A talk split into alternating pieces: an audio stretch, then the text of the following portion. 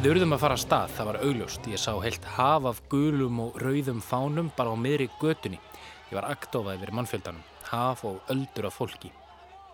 Hósi Dalisæ var 32 ára, nýlega orðin kennari við Háskólan í Manila á Filipsegjum kvöldið 22. februar 1986. Það var lögadagskvöld en hann var ekki á leið í bæin til að skemta sér, ekki beint. Við tróðum okkur inn í mannmerðina. Fólkið söng og var glatt. Þetta var ekki eins og mótmálafundur. Fólk brosti.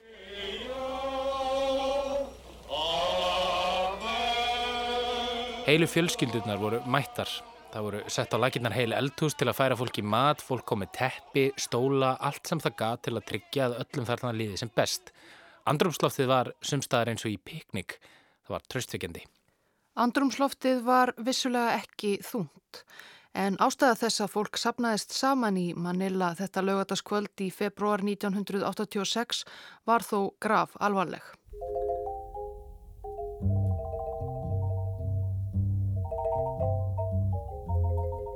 Sitjandi fórseti Filipsæja, Diostato Macapagal, beigð heldur nýðurlegandi ósigur í fórsetakostningum sem haldnar voru á eigunum 1965. Þrátt fyrir að vera með mátt forsetta ennbættisins á bakvið sig var þann að sæta sig við að hljóta aðeins tæp 43% atkvæða á móti 52% um sigurvegarans. Það var frambjóðandi þjóðarnisflokksins, yngri maður sem sigraði. Maður sem átti að baki glæstan 16 ára feril sem þingmaður, þar á undan sem lögmaður og mark verlaunuð stríðshetja. Maður sem erlendir fjölmiðlar lístu sem myndarlegum, sjarmerandi, mælskum, greindum, jafnvel afburða snjöllum. Og maður sem var vel giftur. Eiginkona hans þótti engar frambærileg, fögur og ekki síður greind og bæði voru þau engar söngelsk og tóku gjarnan lægið saman.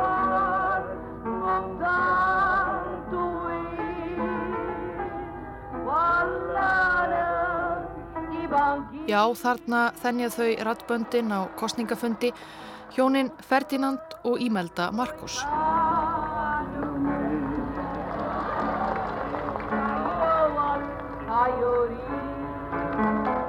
Eigarnar sem mynda Filipsegjar eru 7640 talsins alls. Af þeim býr fólk þó aðeins á um 2000 eigum. Eigarnar eru af ímsum sterðum og gerðum. Samtals að flatarmáli er landið um þrísvarsinnum stærra en Ísland en þar búa talsvert fleiri.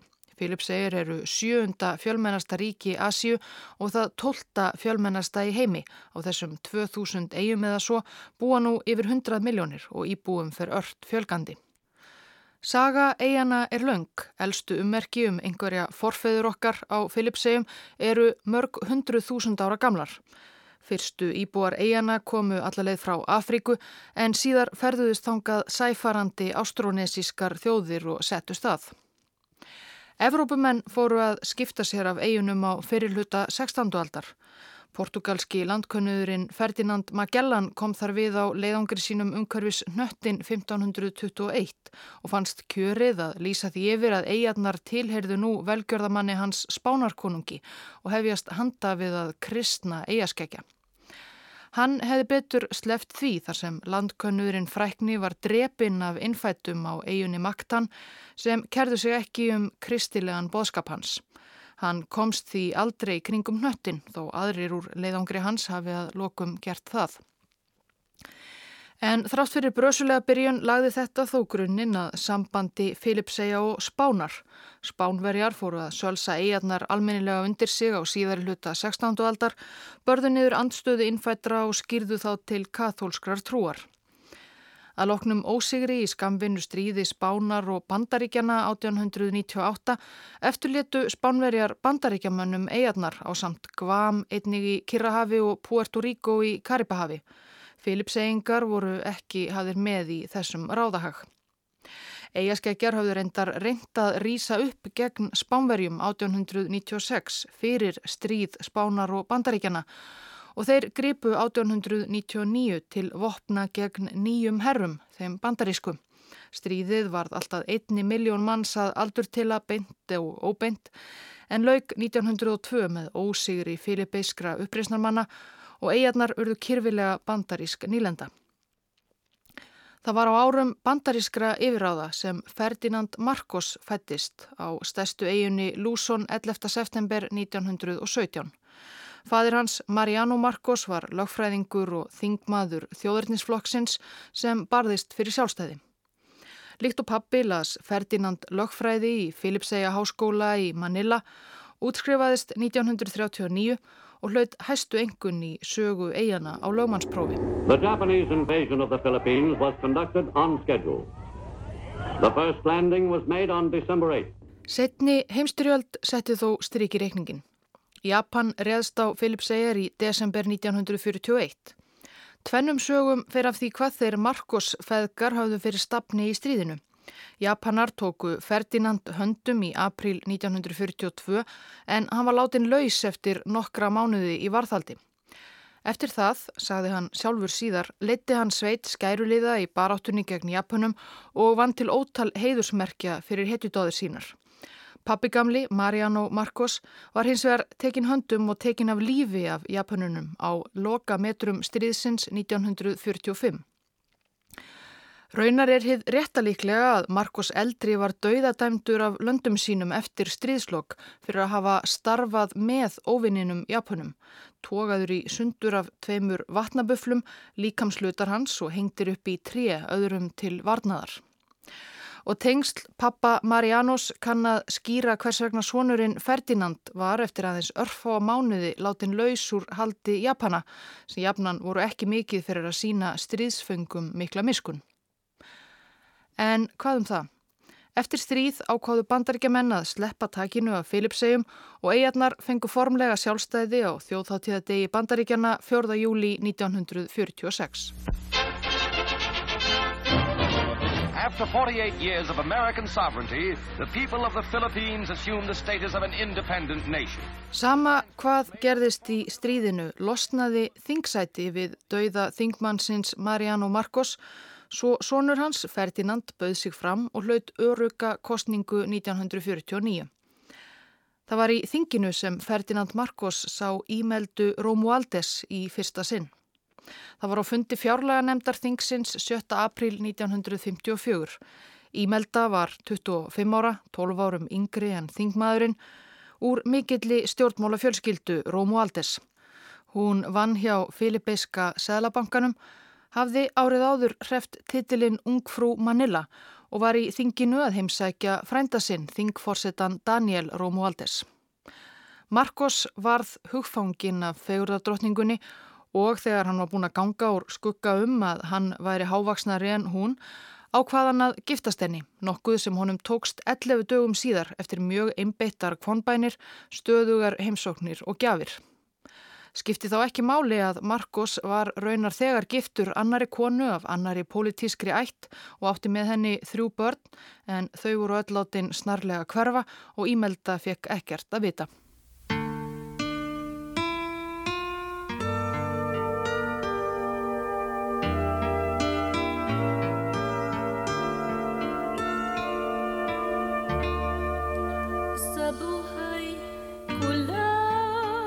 Marcos hafði aldrei farið lengt með það að hann hefði augun á forsetaembættinu, valdamestu stöðu filipíska stjórnkerfisins.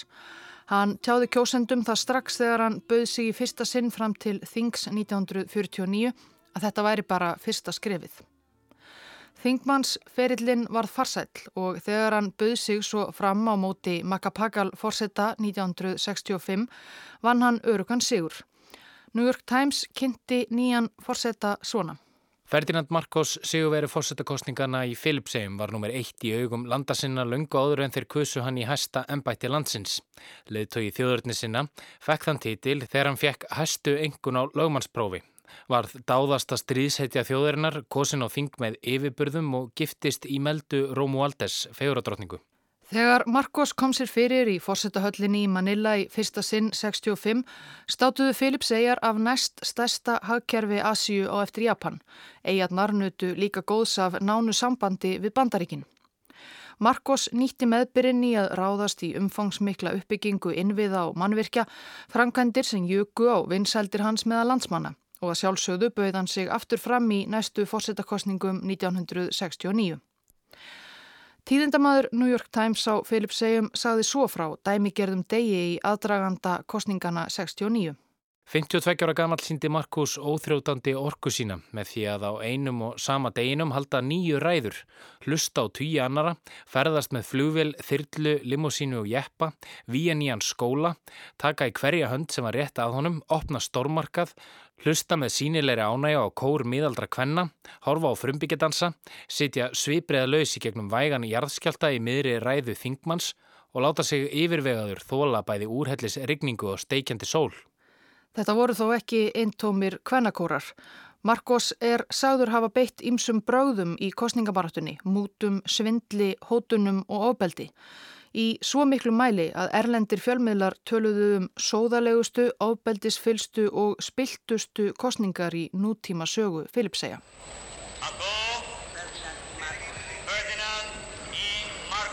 En í november 69 sigraði Marcos mót frambjóðanata frjálslinda flokksins öruglega með yfir 60% aðkvæða og varð þar með fyrsti fórseti í sögu eigana til að hljóta endurkjör. Kjörtímabil nr. 2 varð erfiðara en það fyrsta. Marcos hafi tekið mikið að lánum til að eiga fyrir ímsum þeim stórframkvæmdum sem hann stóði og verðbolga jógst í takt við skuldasöfnun og óveður skí voru að hrannast upp. Marcos og stjórn hans voru ekki númer eitt í allra augum. Meðal annars mætti hann upplúri andstöðu af vinstri vang stjórnmálana. Kommunistaflokkur Filipsæja var stopnaður á 75 ára ammæli má formans 27. desember 1968 og litlu síðar stopnuðu flokksmenn Herskáan Arm nýja þjóðarherin sem hafði það markmiði að steipa filipeiskum stjórnvöldum með skæruhernaði og hriðiverkum. Á næst stæstu eigu Filipsæja, Mindanao í Suðri, hafa um aldir búið múslimar. Íslamstrú barst til eigana á 14. öld með kaupmönnum sem sildu þangað frá Malasíu eða enn lengra að og trúin náði hvað mestri fótföstu á Mindanao. Þegar spánverjar lögðu undir sig eigarnar kölluðu þeir muslimanna á myndana á Móró eins og þá íslumsku Mára sem þeir voru vanari að kljást við á heimahögunum og hefur það nafn loðað við þá æg síðan. En hagur Márana á myndana á hefur verið misjafn.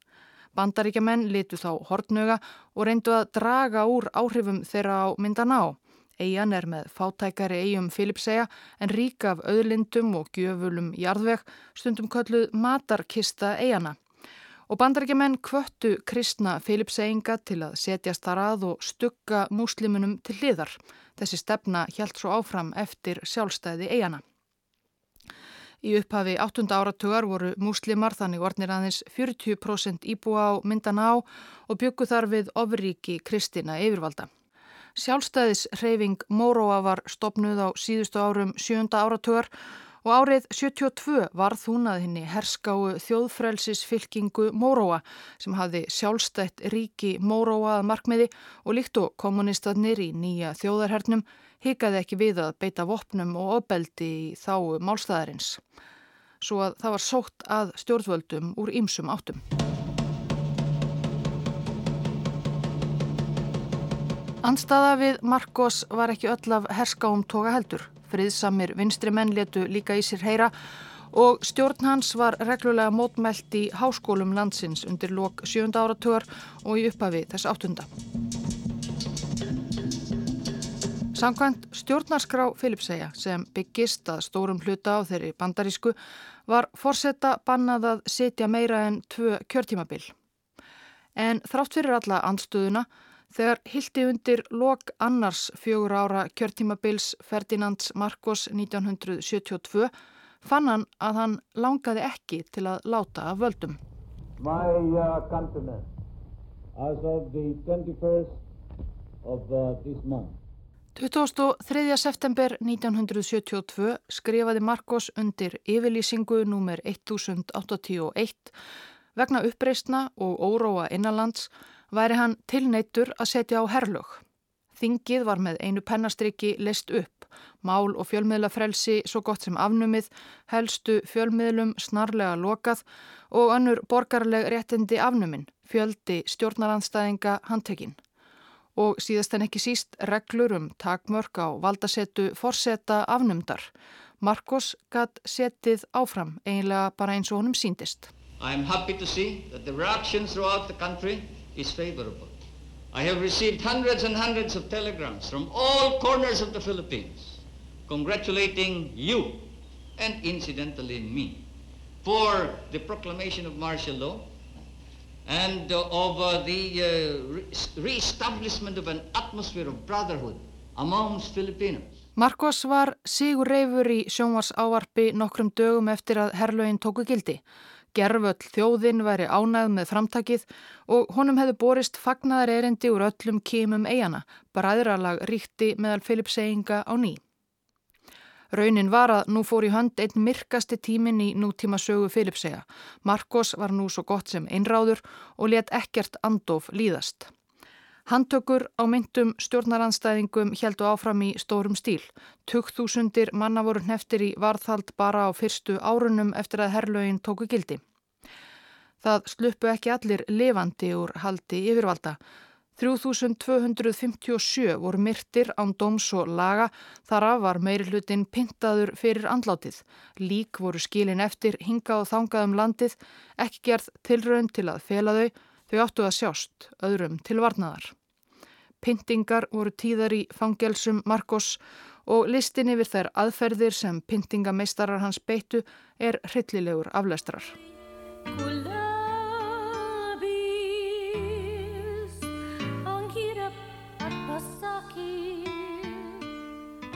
Fórsetahjónin söngelsku notuðu óheft vald sitt svo óhyggjað til að maka krókin prívat og persónlega.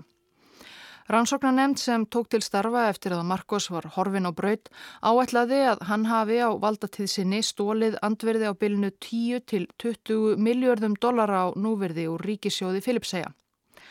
20 miljardar dollara, það eru næri því 3000 miljardar íslenska krónan. Mikið af þessum auði var fjárhags aðstóð sem Filipsæjar fengu frá bandaríkunum og öðrum vinnveittum vestrænum ríkjum en í stað þess að bæta hag landsmanna rötuðu beint í vasa leðtóðans í gegnum ímsar fléttur, bankareikninga og skúfufyrirtæki Erlendis. Á lista sem samtökinn Transparency International tóku saman 2004 var Marcos Metin næst stórtækastur af spiltum þjóðarleðtúum síðustu áratuga Aðeins granni hans Suharto, einræðisherra í Indonésiu, náði að stela meira af þjóðsynni. Í minni almennings er það þó eiginkona Marcos sem hefur orðið allræmdust fyrir stelsíki þeirra hjóna, hún ímelda.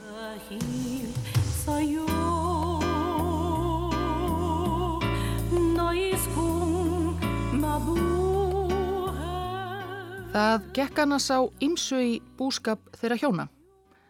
1968 kom bandarísk leikonaða nafni Dovi Beams til Filipsæja til að leika í aksjónmyndum myndar hetjutáðir skærulega fóringjans Ferdinand Marcos í setnastríði. Hún kynntist Marcos sjálfum og þau tóku upp ástarsamband, hittust reglulega á meðan gerð myndarinnar stóði í sérstöku ástar hreyðri fósettans. Eitt af því sem þeim fannst skemmtilegt að dunda sér við var að taka hljóðin af ástarallutnum sínum upp á segulbandstæki og ilja sér við síðar. Haustið 1970 þegar upptökum á aksjónmyndinni var lokið og Marcos misti áhugan á samneiti við Dovi Beams ákvað hún að hefna sín. Hún emdi til bladamannafundar á hotelli í Manila þar sem hún sagði frá sambandi sínu við Marcos Forsetta og spilaði upptökur af ástarfundum þeirra kottahjali, braki, rúmgrind og stunum. Engin vafi leka á því hver karlmaðurinn væri.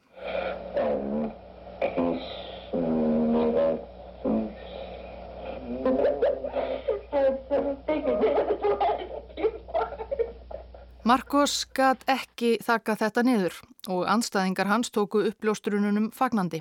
Þegar stúdendar í háskólanum í Manila mótmæltu Marcos eftir þetta spiluðu þeir gjarnan freyðar stunur fórsetans í háttalarakerfi háskólabyggingarinnar við mikla kátínu. En við vorum að tala um ímeldu. Hún frétti auðvitað af sambandi eiginmannsins við hérna bandarísku Lovey Dovey eins og ástkonan var kölluð í gulupressunni. Vissi raunar af því eitthvað fyrr, hefur hún greint frá síðar. Eftir Dovey skandalin fór ímelda að standa meira á eigin fótum og láta meira að sér kveða í stjórnkerfinu. Hún let reysa hvert stórhísið á fætur öðru fyrir almanna fjö, ímsar hallir og menningarhús. Filipseyingar töluðum um að hún væri með byggingakomplex og þeistist svo um heiminn sem erindreiki stjórnvalda. Eginmaður hennar var orðin hilsuveill þegar þarna var komið sögu og vildi frekar sitja heima.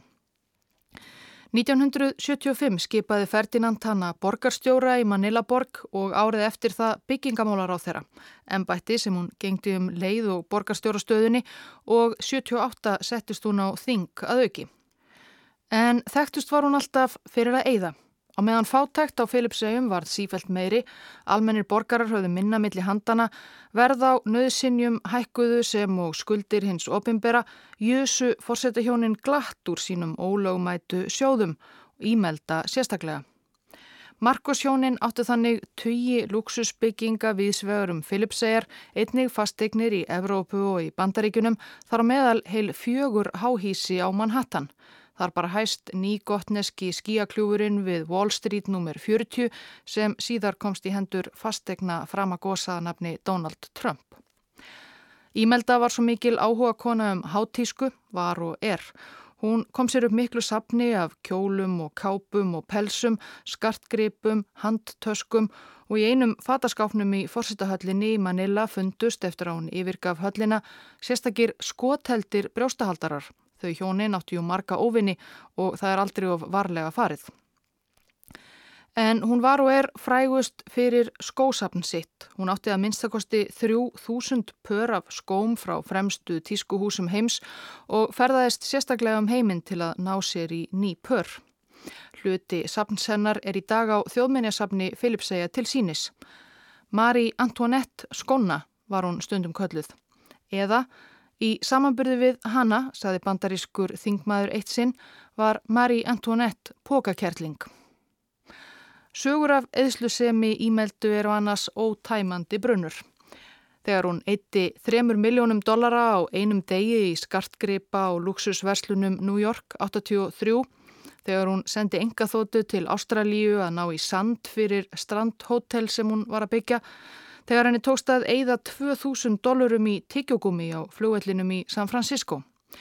Dagurinn þegar hún kifti upp alla munina á uppbóði hjá Sotheby's, þegar hún kifti málverk eftir Michelangelo í Róm á 3,5 miljón dollara, þegar hún neytti flugmann engaþótunar sinnar til að snúa við á miðri leið frá Róm aftur til Manila því hún hafi glemt að kaupa ítalskan ost til heimilisins.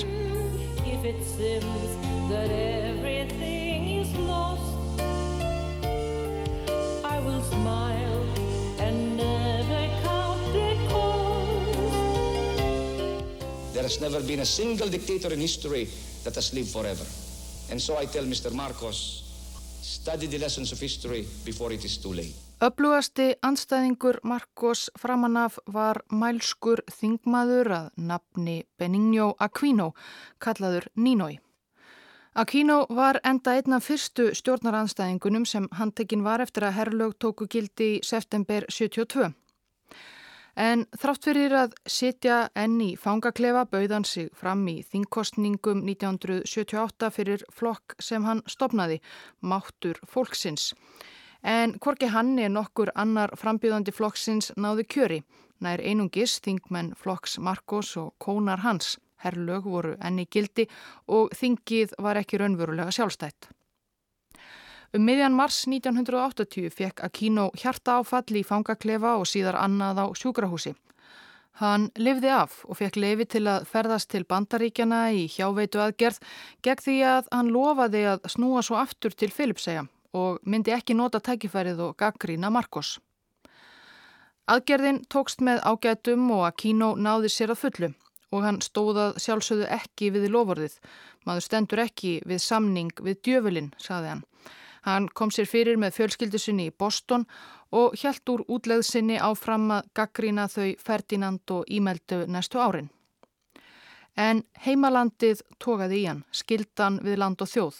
Frá Boston fylgdist hann með Philipsegjum í frjálsu falli. Efnahagurinn var sífælt verri og heilsa fórsetans sumuleiðis. Marcos var með sjúkdómin lúpus eða rauða úlfa og af hans völdum orðin alvarlega nýrnaveikur. Nínói Aquino taldi að í veikindum fórsetans fælist mögulega tækifæri. Kanski myndi hann á endanum láta af völdum og líðræði erði komið á að nýju. Hann vildi láta á það reyna. Hann vissi full vel sem var að það gatt verið lífshættulegt að standa upp í hárinu á Ferdinand Marcos. En Nínói ótaðist ekki. My feeling is we all have to die sometime. If it's my fate to die by an assassin's bullet, so be it. Mín tilfinning er að við öll verðum einhver tíman að deyja. Ef það eru örlög mín að falla fyrir kúlu tilræðismanns verður svo að vera. En ég get ekki verið stein runnin í aðgerðarleysi af óta við tilræði og vera át í hodni. Bandarískur sjónvarsmaður Jim Lorry frá fréttastöðinni ABC var með Aquino um borði fljóvelinni til Philipsea 22. ágúst 1983. Það var létt andrumsloft við lendingu.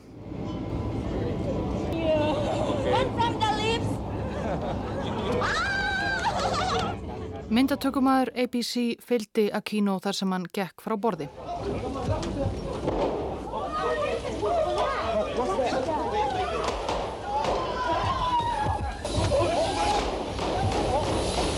Varla sekundum eftir að Aquino steig niður á flugbröytina hvaðu við skotkvellir. Aquino var skotin í höfuðið og lést. Hver stóðað og fyrirskipaði tilræðið þegar ættíð verið loðið og umdelt. Rannsókn yfirvalda bendlaði hóp Hermanna við morðið en óumdelt er þó að þarna var Marcos laus við sinn öflugasta óvinn.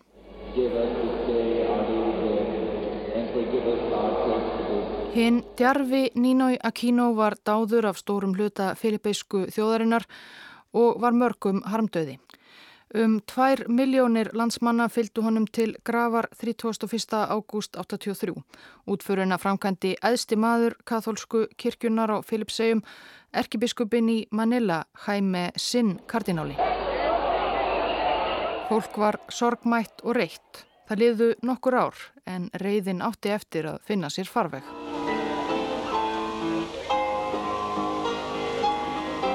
Ítalski kvikmyndaleikstjórin Giampolo Loni bjó á Filipsegjum stóran hluta nýjunda áratögarins og stjórnaði þar kvikmyndaháttíð.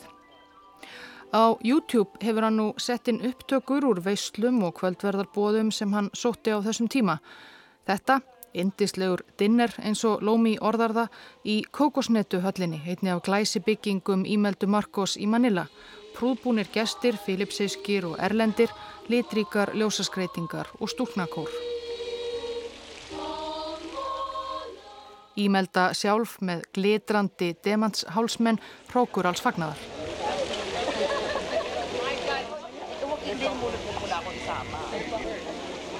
Í öðru bóði tók Ímelda lægið fyrir Ítalan einu sinni sem oftar.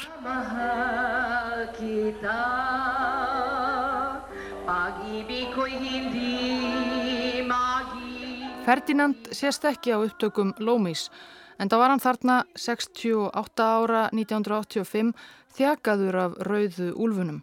Korki honum nýja Filipsísku hagkerfi batnaði nokkuð. Í november 85 satt Marcos þó fyrir svörum í bandarískum fréttathætti David Brinkley's á ABC.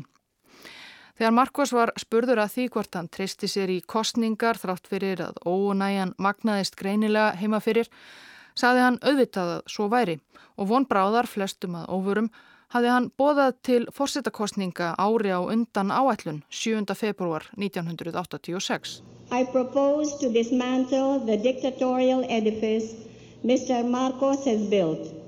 In its place, I propose to build for our people a genuine democracy. Stjórnaranstaðan stökk til og sameinaðist um mótframbjóðanda sem bar kunnulegt eftir nafn Corazon eða Cori Aquino, ekja Nínóis sem hafi verið myrtur 83. Hún hafði ekki haft sér mikið í frammi meðan maður hennar var á lífi og hafði alls ekki mikla reynslu af stjórnmálum eins og hún játaði fúslega í aðdraganda kostninga. I concede that I cannot match Mr. Marcos when it comes to experience. I admit that I have no experience in cheating, stealing, lying Nei, hún gæti ekki státað af sömu reynslu og Marcos. Hún hefði enga reynslu af sveikum, þjófnaði, legum og tilræðum við pólitíska anstæðinga. Að loknum kjördegi 7. februar tilkynnti kjörstjórn Filipsæja að Marcos hefði lotið enneitt endurkjörið tæp 54% atkvæða kegn 46% um Kori Aquino. En sangvænt sjálfstæðu kostninga eftirliti voru úrslitin á annan veg. Aquino sigurvegari með um 52% atkvæða.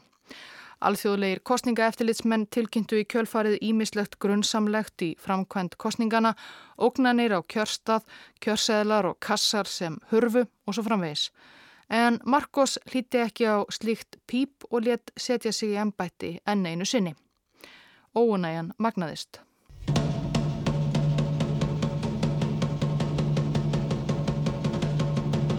Þegar leið á februar voru umbúta sinnuð öll innan Filipsiska hersins komin með nóg og fóru að leggja á ráðinum að ráðast á fórsetahöllina, taka Marcos höndum og steipa af stóli. Marcos og fylgismenn hans innan hersins komist á snóður um plottið og hópur herfóringja var handekinn, ekki þó allir. Meðal tilvonandi valdaránsmanna var varnarmálar á þeirra Marcos Juan Enrile og herfóringjaðnafni Fidel Ramos. Þeir höfðu ekki verið teknir höndum og hálf sjöa kvöldi 22. februar komið þeir fram á bladamannafundi og tilkynntu að þeir og fylgismenn þeirra hefðu tekið yfir tvær herstöðvar í Manila. Og hlutirnir gerðust hratt þetta kvöldið. Um nýju leitið var hefðbundin útsending Rófin á Radio Veritas, kathólskri útvarstöð. Æðsti maður kirkjunar Sinn Kardináli var við hljóðnumann. I wish you to pray. This is Cardinal Sin speaking to the people, especially in Metro Manila. I am indeed concerned about the situation of... Sin sem hafði á ferli sínum innan kirkjunar ekki farið varhluta af markvíslegum glæpum Markos Hjónana hvað til landsmenn til að byggja fyrir umbúta sinnunum í hernum. I am calling our people to support our two good friends En ekki bara byggja heldur halda af stað að herstöðunum tveimur þar sem valdarónsmenn heldur til til að sína málstað þeirra stuðning.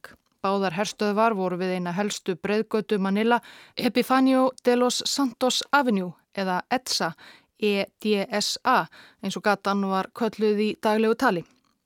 Hlustendur Radio Veritas þetta kvöldið hlítu kardinálanum og streymdu út á göduna, prestar, munkar og nunnur jæmt sem almennir borgarar.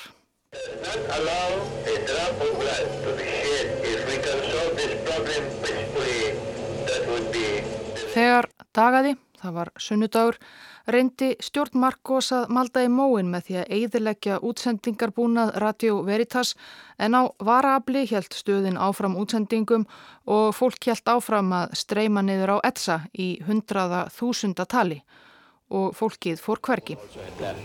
Það var kvöldið 22. februar 86 sem ungi háskólakennarin Jose Dalisay sem við heyrðum af í upphafi þáttar fór niður á ETSA með kollegum sínum og mörg þúsund löndum þeirra í fyrsta sinn og eins og aðrir helt hann áfram að koma daginn eftir 23. februar og næsta 24. Þegar stjórnvöldum tókst að koma alveg í vekk fyrir útsendingar Radio Veritas settu stjórnaranstæðingar bara upp aðra útvarstöð og heldu áfram. Það fækkaði ekki fólkinu á etsa. I must tell you that um, we will not be able to stay from forceful action very long. Ekki heldur þegar Marcos Forseti íæði að því ávarpi að á endanum er þið ekki komist hjá því að beita vopnavaldi á mannsöfnuðin. Það var alls ekki svo að allur herin væri á bandi mótmælenda, stór hluti stutti Forsetan og myndi hlýða skipunum hans. Við vissum að menn Marcos myndu fyrir að síðar koma og það gerðu þeir. Á þriðja degi mótmælanna á ETSA byrtust skriðdregarnir. Hóse Dalísæ. Marcos sendi skriðdrega til að hræða mótmælendurna en á móti þeim gengur nunnur með blóm í hendi. Það var magþrungin stund. Og það var þá sem ég held að fólk hafi átt að segja á að mennirnir í skriðdregunum myndu ekki skjóta á landa sína. Við fundum að herin hikaði og við nýttum okkur það eins og við gátum. aðeins örfáum skotum var hleyft af. Einu sinni heyrðu við að setið væri um sjónvarpsstöðina og svo fóru við þangað til að verja hana og þá voru leyniskittur á sjónvarpsturninum sem skutu á fólkið niðri. Ég held að þeir hafi ekki hæft neitt. Af og til sá maður reykjarbólstra og fólk þauðt í burtu, flissandi og hlæjandi. Við Filipseyingar hlæjum og flissum mikið undir pressu. Það er okkar viðbröð við taugaspennu. Við flissuðum, bökkuðum og mjöguðum okkur svo áfram aftur, hlæjandi. Þetta var næstum eins og einhvers konar leikur. Morgunin 24. februar áarpaði Marcos þjóð sína í sjónvarpi og lísti yfir neyðar ástandi í landinu vegna mótmæla. Mótmælendur á ETSA voru þá orðnir að minnstakosti miljón talsins í um 55 miljóna manna landi. Að loknu ávarpinu rætti Marcos við Fabian Ver, aðsta mann Filipsíska hersins. Myndavélarnar voru enn í gangi án þess að þeir vissu. Ver kvatti fórsetan til að grípa til aðgerða, ráðast tafarlaust á líðin. Orustu þóttur væru í viðbræðstöðu.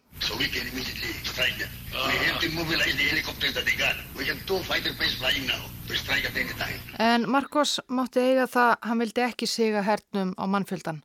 Enga árás, saði hann. I, I, Corazon Cojuanco Aquino, Corazon Cojuanco Aquino, do solemnly swear do solemnly swear that I will faithfully that I will faithfully Að morgni 25. februar sór Corazon Aquino klæti gullt, einkennislit hennar og mótmælenda ennbæti segð sem fórseti Filipseyja í viðurvist dómara, herfóringja og stjórnmálamanna ár stjórnar andstöðum. Fyrir utan klúpin þar sem ennbættistakan fór fram söpnuðust stuðningsmenn hennar saman, sungu og fögnuðum. Klukkustund síðar sór Marcos einnig ennbættiseið sem fórseti Filipseyja í fórseta höllinni, ekki langt frá. Færri voru þar viðstatir, einhverjir stuðningsmenn fórseta hjónana og hermenn. Ímelda söng eitt af sínum uppáhalds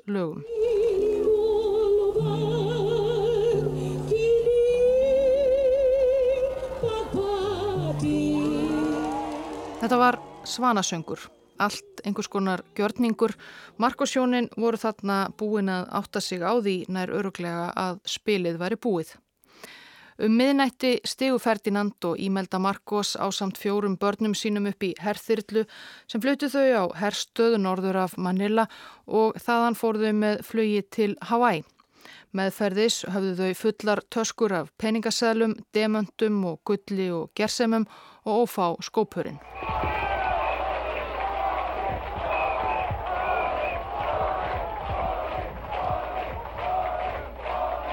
Fagnaðalæti, söngur og dans brast út á etsa þegar fréttir bárust af flótta fórsetahjónana. Fólk streymdi inn í fórsetahöllina og virti forviða fyrir sér munaðinn sem þar var að finna meðal annarsvöld skópurinn sem ímelda hafði neðst til að skilja eftir.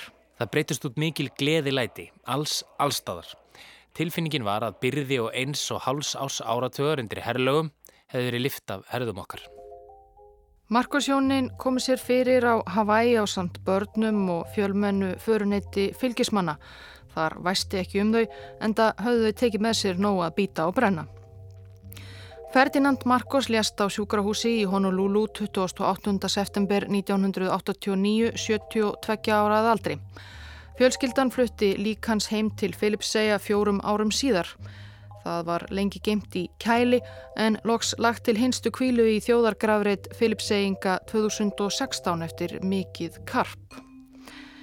Þau Ferdinand og Ímeldu er að finna í heimsmetabók Guinness, eiga þar metið í mesta þjófnaði úr ríkisjóði. Á áratugunum síðan Marcos leta völdum hefur Filipseyskum yfirvöldum aðeins tekist að endurheimta hluta af þeim auðæfum sem þau hjónin stálu frá almenningi. Þá er áætlað að Filipseyjar verði í einhver ár en að borga upp skuldirnar sem Marcos stifti landinu í. Ímelda, 12 árum yngri en eigin maðurinn, snýri aftur til Filipseyja 1991 eftir 5 ári útlegð. Hún var kjörin á Þing 95, satt þá í eitt kjörtímabil til 98 og svo aftur 2010 til 2019. Ímis dómsmál vegna ásakana um spillingu og fjársvig hafa ekki reynst henni mikill fjötur um fót á stjórnmálaferlinum. Hún hefur líka fengist við tísku og gefið út fatalínu. 2012 var hún metin næst ríkasti Filipseyingurinn. á eftir boksaranum Manni Pacquiao en ólíkt Pacquiao sem er markfaldur heimsmeistari í fjölda þingdarflokka gatt ímelda ekki gefið greinagóðar skýringar á því hvers vegna nákvæmlega hún væri svona rík. Maður hennar fann falin fjársjóð, sagði hún einu sinni. Hún á sér alltaf sína stuðningsmenn. Það er löng hefð fyrir stjórnmála ættum á Filipsegjum og ættin Marcos lætur engan bilbug á sér finna. Tvö eldstu börn Marcos hjónana hafa farið út í pólitík. Dóttirinn Ímei Marcos hefur setið á þingi og sonurinn Ferdinand Marcos yngri, kallaður Bong Bong, bauð sér fram til varaforsetta 2016. Hann rétt tapaði en hyggur hygglaust á frekari frama.